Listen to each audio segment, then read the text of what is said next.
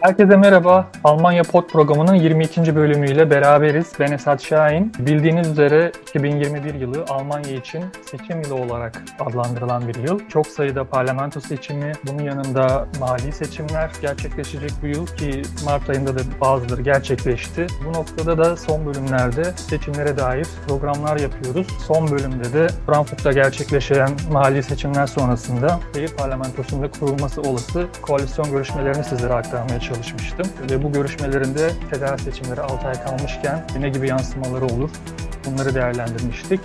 O konuyla ilgili bu bölüme başlamadan önce kısa bir not vereyim. Şehir parlamentosunda son durum gösteriyor ki koalisyon Yeşiller Partisi, Sosyal Demokrat Parti ve Hür Parti arasında kurulacak. Yani Rot Rot Durum koalisyonu geçen hafta bahsettiğim gibi kurulamıyor. Öyle görünüyor mevcut durumda. Fakat orada yine güzel bir gelişme. Seçimlerden birinci çıkan Yeşiller Partisi belediye meclisi başkanlığı için Hilime Aslaner'i önermiş durumda. Önümüzdeki hafta gerçekleşecek parlamentodaki belediye başkanı seçiminde Türkiye kökenli Hilmi Aslaner'in belediye meclisi başkanı olması bekleniyor. Bu da tabii 60 yıllık e, göçmen toplumu adına önemli bir gelişme olarak adlandırabiliriz. Bugünün konusuna gelecek olursak geçen hafta da değindiğim üzere seçimlere 6 ay gibi bir süre kalmışken mevcut anketlerde olsun, son dönemde yapılan mahalli ve federal seçimlerde olsun Yeşiller Partisi çok önemli bir ivme yakalamış durumda. Oy potansiyelini her geçen gün arttırdığını görüyoruz. Bu noktada da bunun sebeplerini anlamak önemli. Bugün de bu programda sevgili Mürvet Öztürk ile birlikte Yeşiller Partisi'ni biraz değerlendirme imkanımız olacak. Genel olarak partiyi tanımak ve bunun yanında son dönemdeki oylarını bu derecede arttırmış olmasını anlamaya çalışacağız. Ben onun sevgili Mürvet Öztürk'e hoş geldiniz diyorum. Hoş bulduk, hoş bulduk. Teşekkürler. Nasılsınız? İyisiniz umarım. İyi Vesat Bey, teşekkür ederim. Çoktandır görüşmedik ama görüşmeyeli de iyi diyebilirim. Her şey yolunda gidiyor. Siyaseti biraz dışarıda gözlemlemek de güzel oluyormuş. Dolayısıyla bugün bu sohbet de güzel bir imkan olduğu için yani imkan tanıdığınıza teşekkürler. Ben çok teşekkür ederim kabul ettiğiniz için. Biz Mürvet Hanım'la uzun yıllardır tanışıyoruz. Ee, dinleyenler için aktarmış olalım. Belki bir beş yıldır tanışıyoruzdur. Ee, Bence o 10 yıla doğru gidiyor tanışmamız. Beşten fazla. doğru doğru daha fazla evet, doğru. Evet evet. O zaman sizi dinleyenler kısaca tanıyabilir mi Mürvet Hanım? Yani tanıtırken kendinizi tabii Yeşiller Partisi ile ilgili serüveninize de değinirseniz kısaca çok sevinirim. Evet benim adım Mürvet Öztürk. Ben Almanya doğumluyum ve işte Almanya'daki eğitimimi bitirdikten sonra Almanya'nın siyasetinde de var olmak kararını vererek Yeşiller Partisi'ne aktif olan biriyim. 20 yıllık bir geçmişim var. 70 Yeşiller Partisi'ne üye olmam tam 20 yıl oluyor. Ee, sonra tabii siyasete atılmak ve Hessen eyaletinde 2008 yılında ilk Türkiye kökenli milletvekili olarak kadın milletvekili Turgut Yüksel erkek olarak ben de kadın olarak 2008'de ilk Türkiye kökenli milletvekilleri olarak Hessen eyaletinde bir, bir ilke imza atma şansımız oldu. Aktiftim, çalıştım. Göçmen politikalarıyla ilgili, uyum politikalarıyla ilgili bir sürü çalışmalarımız oldu.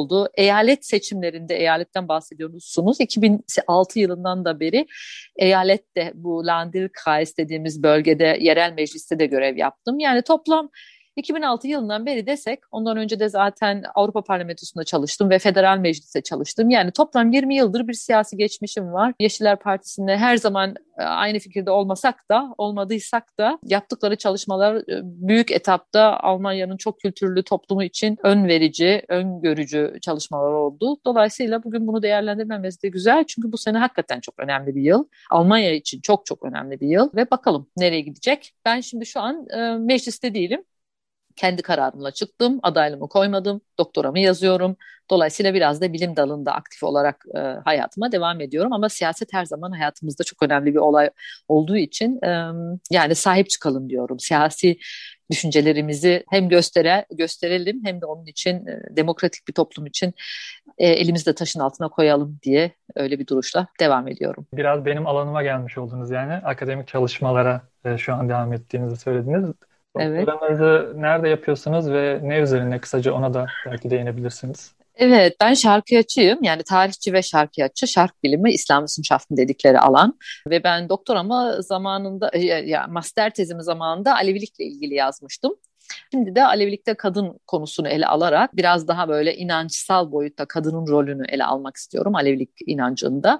E, tabii bu e, şarkiyattan yola çıkarak işte şark toplumunun içinde inançsal boyutta kadının rolü teoride ve pratikte beni ilgilendiren konular. Çünkü toplum toplumun eşitliğinden bahsedersek e, cinsiyet eşitliğine de bakmak gerekiyor diye düşünüyorum.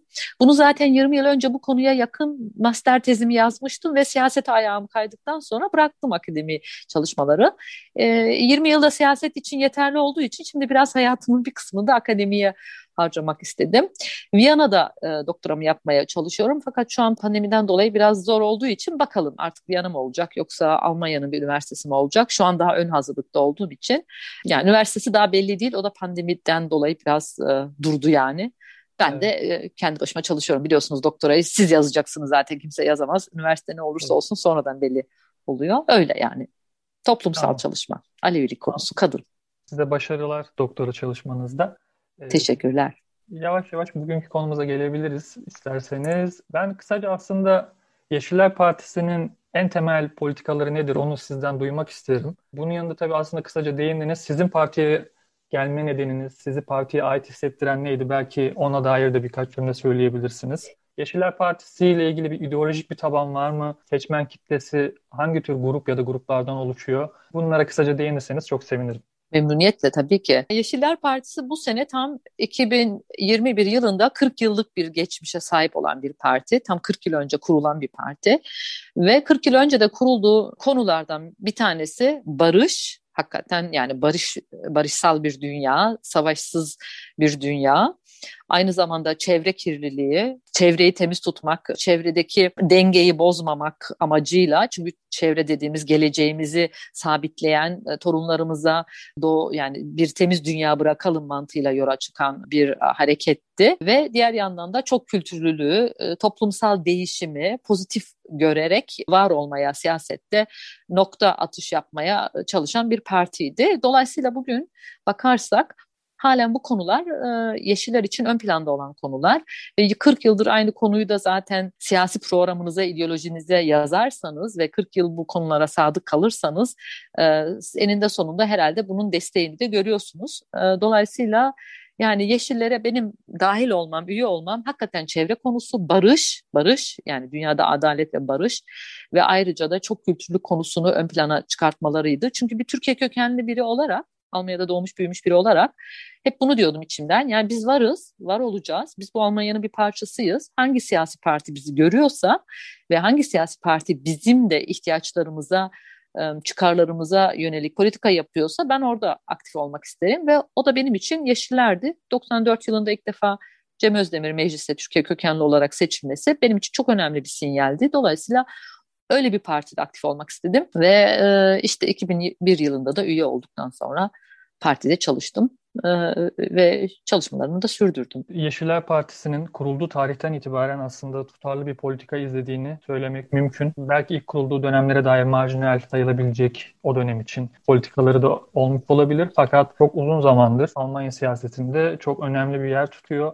98 ve 2005 yılları arasında da zaten koalisyonun ikinci partisi olarak Federal Meclis'te yer almış bir parti. Son 15 yıldır da parti muhalefette önemli bir görev üstlenmiş durumda. Bu anlamda fazla yıpranmamış bir parti. Tabii partinin yapısı da aslında önemli. Liderlik kültü olmayan bir parti bildiğim kadarıyla. Fazla lidere bağlı olmayan bir parti. Hristiyan Demokrat Parti gibi örneğin. Bu noktada ne dersiniz? Partinin yapısı noktasında cazip olan bir durum var mı sizce halk için? Tabii ilk yola çıkışıyla bugünkü varoluşu arasında biraz bir fark var ama ilk yola çıkışı hakikaten e, bir kişinin lider olarak önde kalması değil, konuların önde olması ve konuların e, ön plana çıkarak her zaman gündemde olmasını savunan bir partiydi. E, dolayısıyla mesela kadın erkek eşitliğini ön plana koyan, ilk kadın kotasını koyan, yüzde elli kadın kotasını koyan bir parti olduğu için mesela listelerde, aday listelerde birinci sıra her zaman bir kadına verilir, ikinci sıra bir erkek adayına e, mesela sunulur. Ayrıca parti kararları mesela parti içindeki, kurultay içindeki kararları delege sistemini uzun zaman kabul etmediler. Üyelik sistemini mesela kabul kabul ettiler. Ee, bir parti kurultayına giden her üye o gün orada oyunu kullanabiliyordu.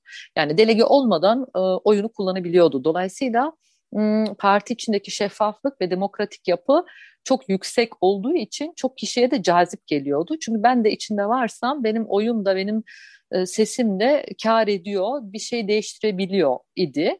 Meclis gruplarında mesela çift başkanlık olurdu her zaman. E, gerçi onlar son 10 yılın içinde değişti. Son 10 yılın içinde meclis grupları mesela Hessen eyaletinde de çift başkanlı değil. Bir kadın bir erkek çift başkan değil tek başkan. Tarık Alvazir uzun zaman meclis grup başkanıydı. Şimdi Matthias Wagner meclis grup başkanı Hessen eyaletinden yola çıkarsak. Ve şöyle bir değişim de artık oldu. Delege sistemine bazı eyaletler yöneldi.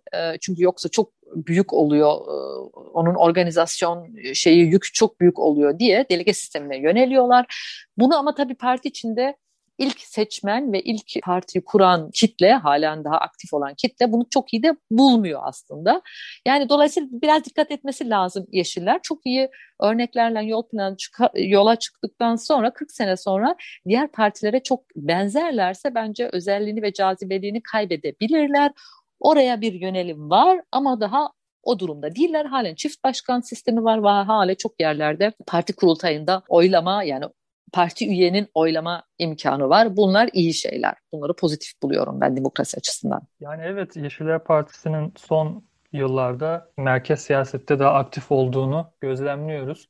Diğer partilerle olan ilişkisini gözlemliyoruz veya diğer partilere benzeme süreci denebilir. Ama bunu e, ilerleyen röportajın ilerleyen bölümlerinde konuşuyor olacağız koalisyonlar üzerine konuşurken. Hı hı. E, ben şimdi röportajımızın bence ana konusu olan Yeşiller Partisi'nin yükseliş trendini konuşmak istiyorum. Az önce de değindiğim gibi gerek son dönemde gerçekleşmiş eyalet parlamentosu seçimleri, gerekse yerel seçimlerdeki başarılar ve güncel anketlerde %25 civarında oy potansiyeline sahip olması konusu Yeşiller Partisi'nin.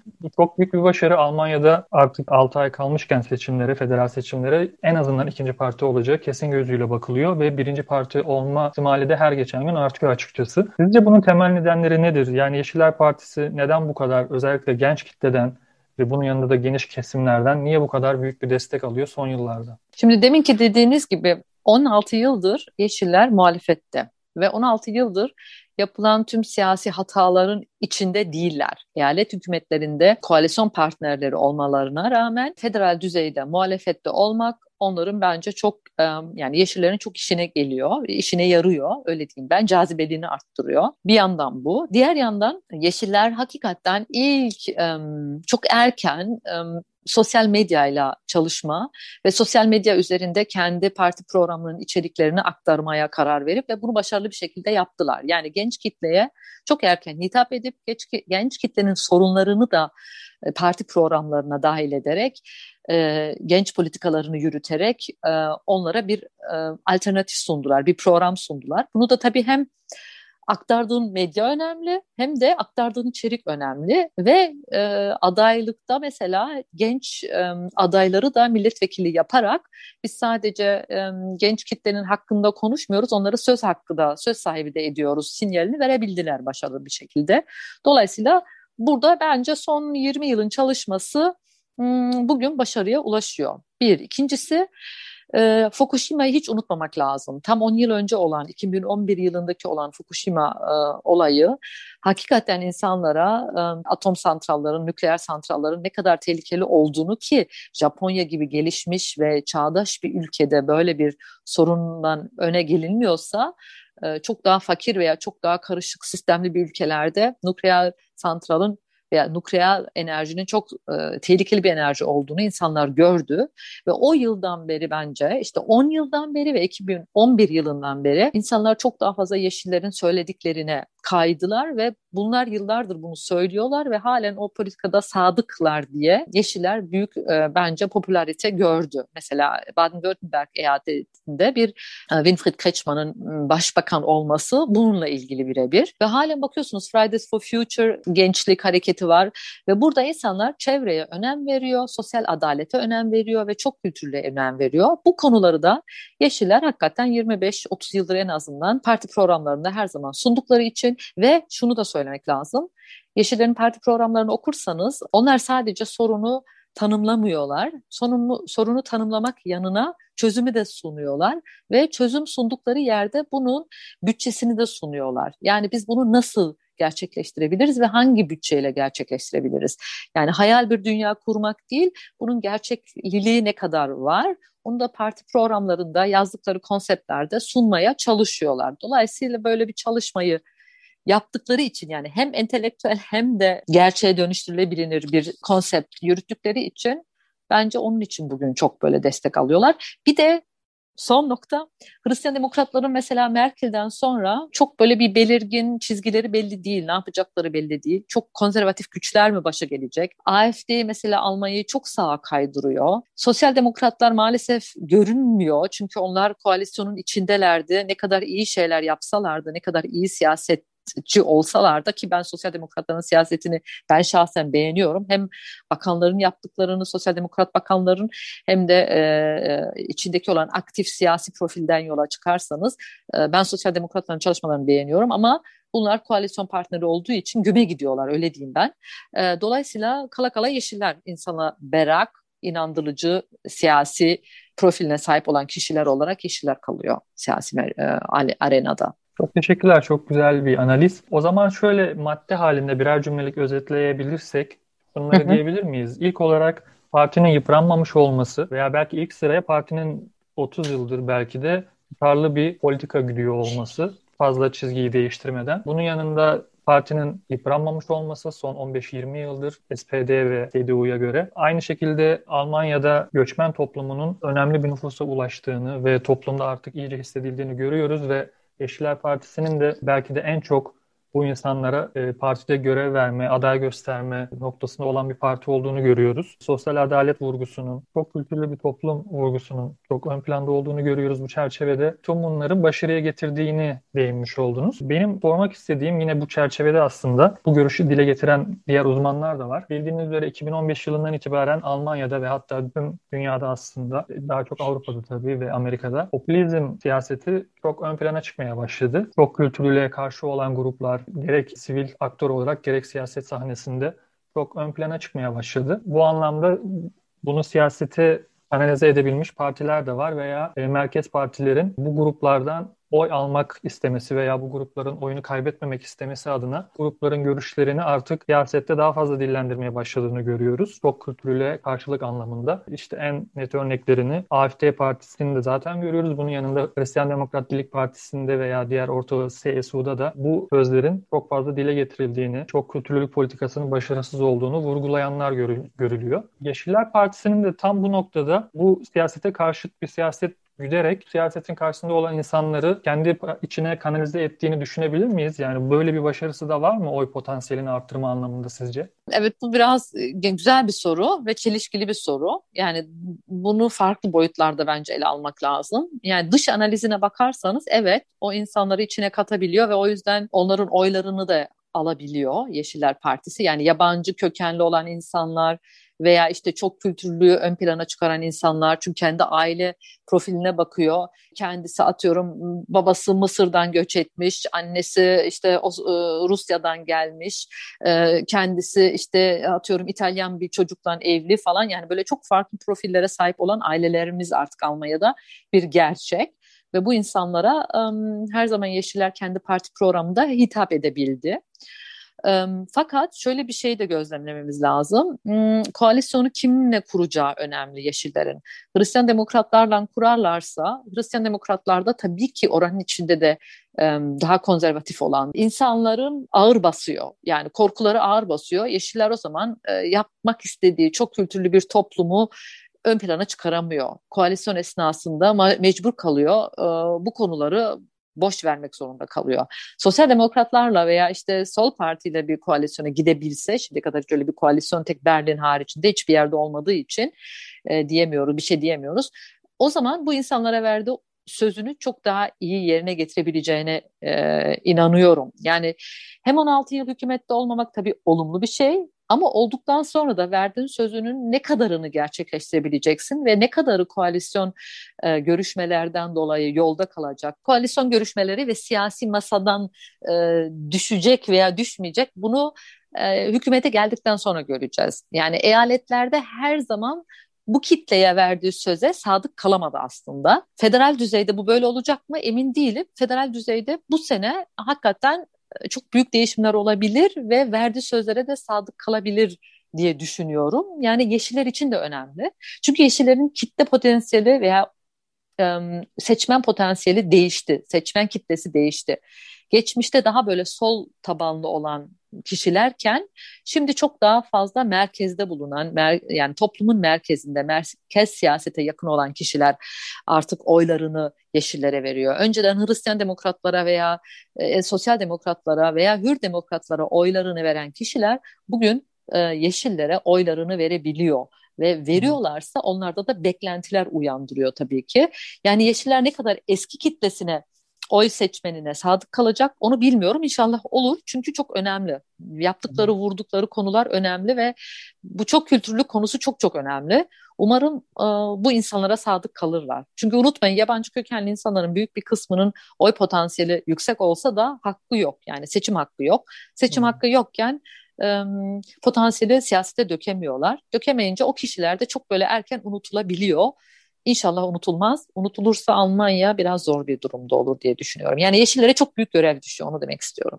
Tam da bu noktada o zaman şuna değinmek lazım. Yeşiller Partisi tam 40 yıllık sürecinde belki de en önemli dönüm noktasında. Çünkü ilk defa birinci parti olma noktasına gelmiş durumda. Evet. Ee, yani 98-2005 arası koalisyonda ikinci partiydi. Belki bütün istediklerini uygulayamaması çok normal veya önemli bir kısmını uygulayamaması diyelim. Şimdi ama birinci parti olursa direkt başbakanlığı üstlenmiş bir parti olarak atıyorum Hristiyan Demokrat Birlik Partisi ile koalisyon kurarsa e, Yeşiller Partisi'nin söz hakkı çok daha fazla olacak. Bu anlamda da Almanya tarihi açısından çok ilginç bir gelişme olabilir. Bu noktada da bazı muhafazakar uzmanlar olumsuz bakıyorlar açıkçası. Siz ne düşünüyorsunuz? Yeşiller Partisi'nden bir başbakan çıkması ülkede önemli bir değişiklik oluşturur mu? Yani gerek iç politikada multikültürel yani çok kültürlülük anlamında yapacağı değişiklikler oy hakkı vermesi gibi insanlar Almanya vatandaşı olmayan insanlar oy hakkı vermesi gibi böyle kotalar koyması gibi örneğin siyasi partilerde olsun ve memurluklarda örneğin kotalar gelmesi gibi önemli düzenlemeler gerçekleşirse önemli bir kırılma olur mu Almanya'da?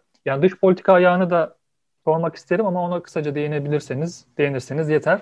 İç politika anlamında bir değerlendirme çok önemli olur benim için.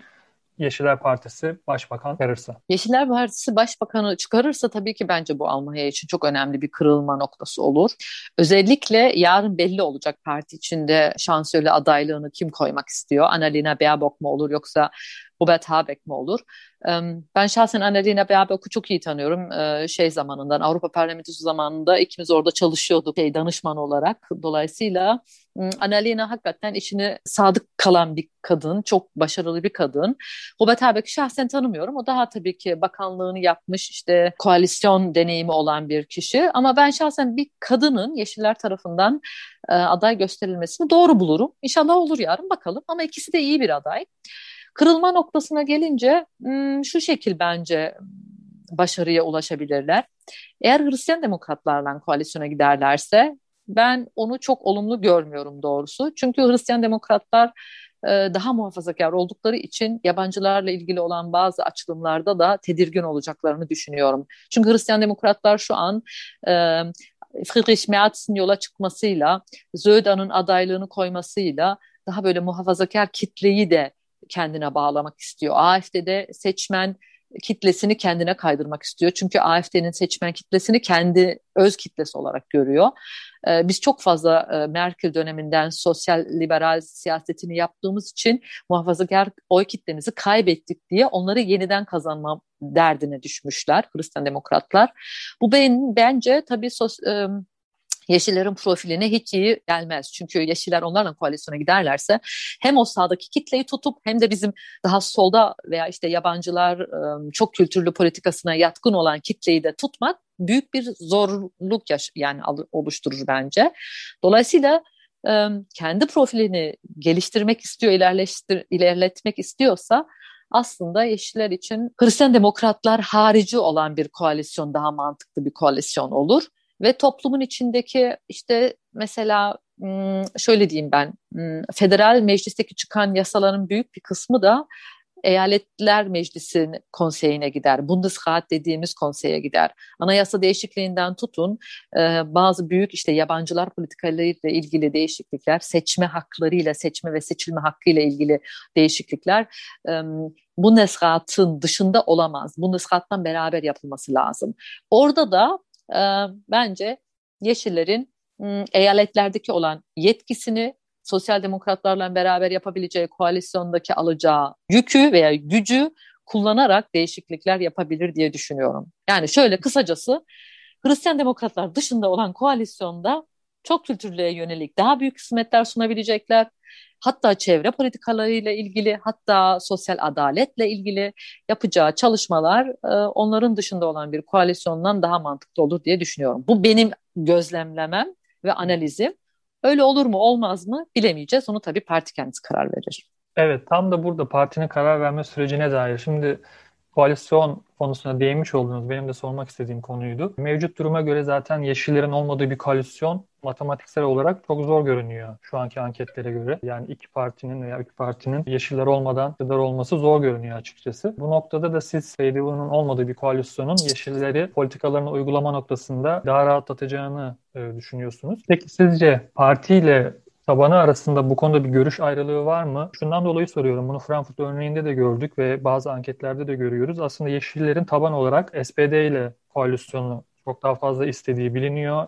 Hatta Road Road Grün koalisyonunu en çok tercih ettiği anketler var. Fakat parti tavanının ise Hristiyan Demokrat Birlik Partisi ile koalisyon yapmayı daha çok tercih ettiği düşünülüyor, görülüyor. Bunun da örneğini Hessen eyaletinde, bizim de bulunduğumuz Hessen eyaletinde görüyoruz. Hristiyan Demokrat Birlik Partisi ve Yeşiller iktidarlar son iki dönemdir. 2014'ten itibaren böyle bir koalisyon var burada.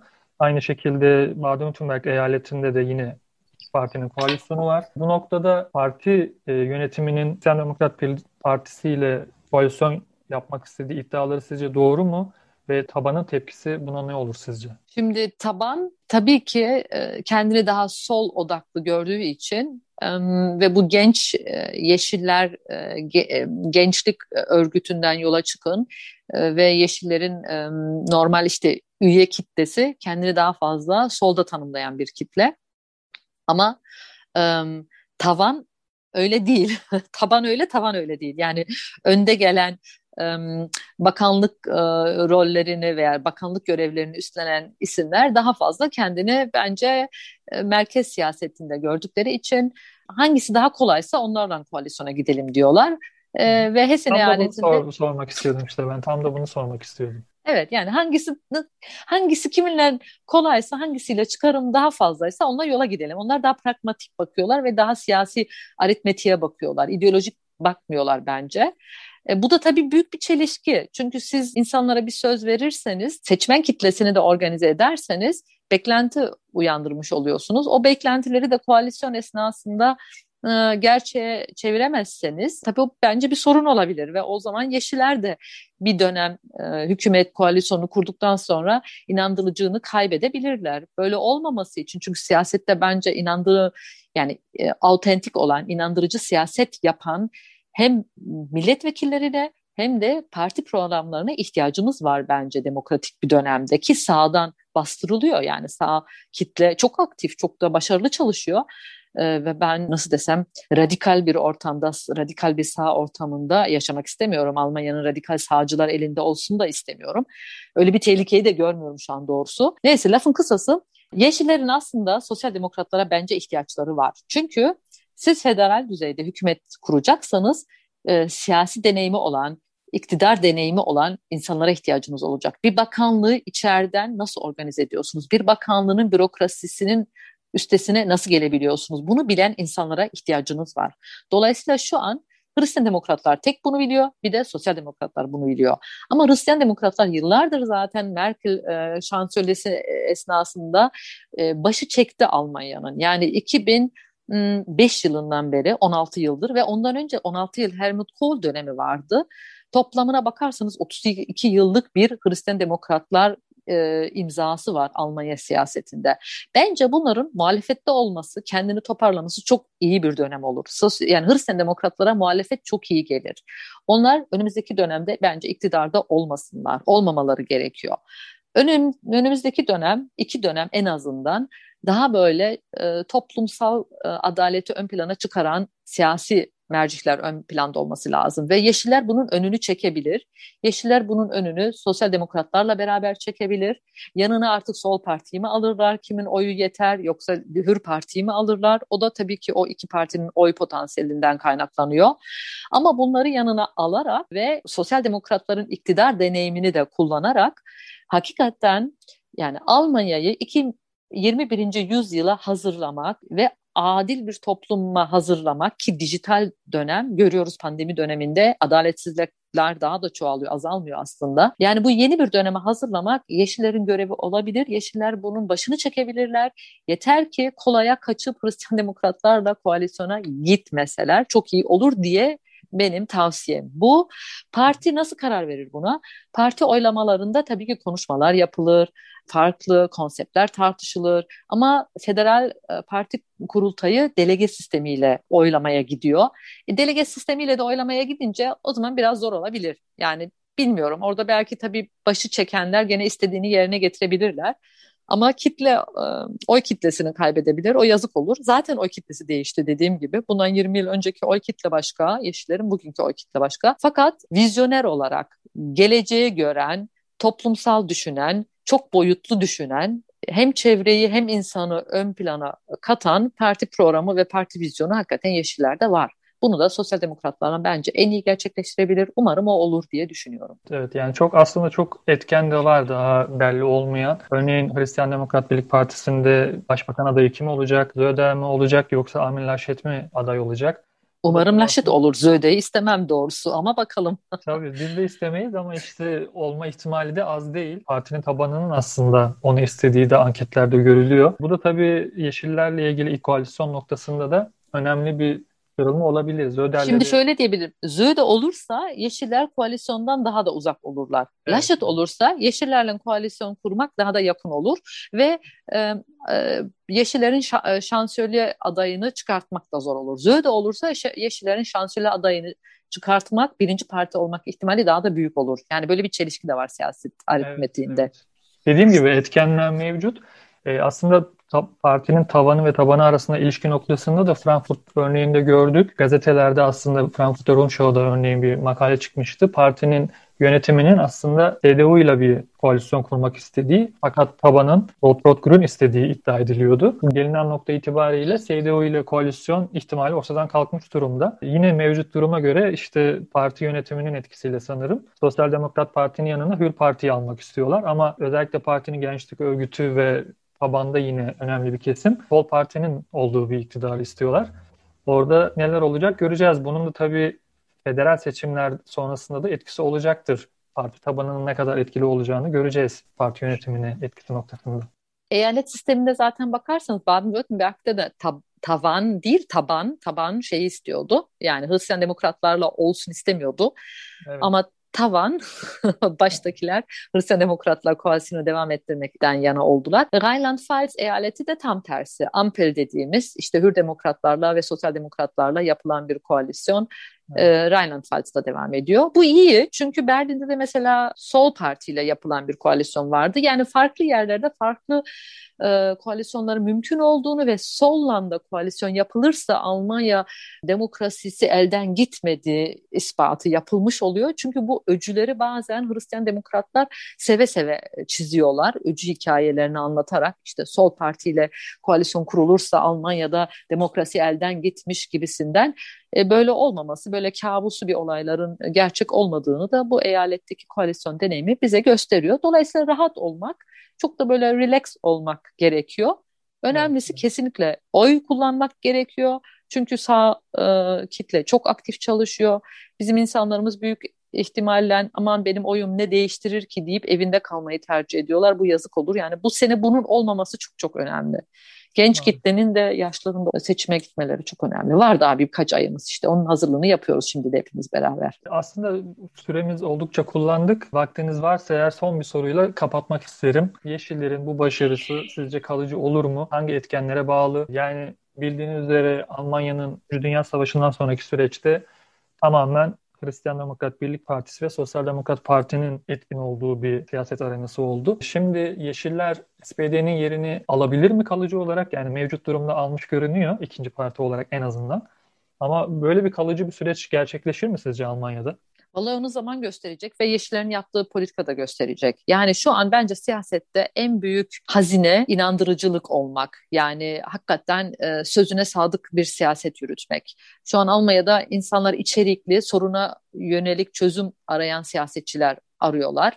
Mesela Hristiyan demokratların bu pandemi esnasında yaptıkları maske satışlarında yaptıkları kazanımlar diyeyim veya milletvekillerinin yaptıkları yolsuzluklar diyeyim. Yolsuzluklardan dolayı istifa etmek zorunda kalacak. Yani Almanya artık böyle yolsuzluk yapan, insanların hakkını yiyen, çarçur eden siyaset istemiyor.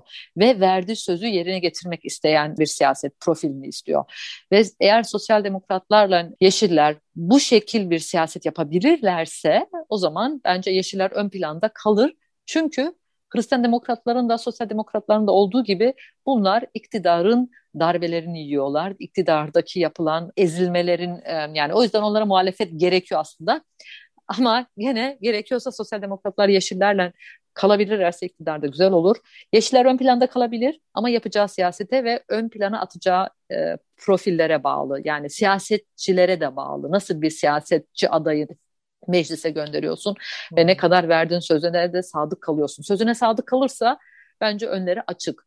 Yok e, çok fazla böyle e, nasıl diyeyim siyasi kaymalarda bulunursa ve onu çok iyi açıklayamazsa o zaman insanların da hayal kırıklığına e, uğratabilirler. O güzel olmaz. Yani evet. zaman gösterecek. Yaptığı evet. siyasette gösterecek. İhtimal büyük, potansiyel yüksek başta kalma yani, potansiyeli. Bu noktada tabii genç kitleyle olan ilişkisi oldukça önemli. İlk seçmen noktasında Yeşillerin çok büyük bir oy potansiyeline sahip olduğunu görüyoruz. Yani Yeşilleri hiç şu ana kadar iktidarda görmemiş ilk seçmen veya genç kitlenin Yeşilleri tercih ettiğini görüyoruz. Çünkü diğer partileri yıllardır iktidarda görüyorlar ve memnun değiller. Yeşillerin de iktidarda çok büyük bir sınav ver, vereceği buradan zaten anlaşılıyor. Aynen öyle. Vereceği anlaşılıyor ve umarım sınavını iyi verir. Çünkü demokraside artık iyi siyaset yapan milletvekillerine ve siyasetçilere ihtiyacımız var. Yani ben çıkmış olsam da tabii ki takip ediyorum. Yani hem pandemi olsun hem pandemiden hariç büyük görevler bizi bekliyor.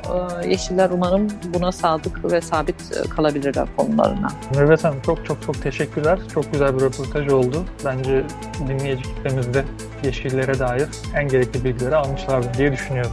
Ben teşekkür ediyorum ve mutlaka nasıl diyeyim ben yeşiller önü çekse de demokrasi için ve e, çevreyle çok kültürlük için var olan siyasetçiler ön planda olsun diyorum. Çünkü koalisyonlar sadece bir araçtır aslında, amaç değildir. Dolayısıyla toplumun ferahı ve e, geleceği için önemli adımlar atan kişiler var olsunlar diyorum. Yok cebine çalışanlar, yolsuzluk yapanlar da siyasetten artık çıksınlar diyorum. Onların yeri değil ve zamanı değil. 2021 yılı. Çok doğru. Tamamdır. Çok çok teşekkürler tekrar. Dinleyenlere de ayrıca çok teşekkür ederim. Herkese güzel bir hafta dilerim.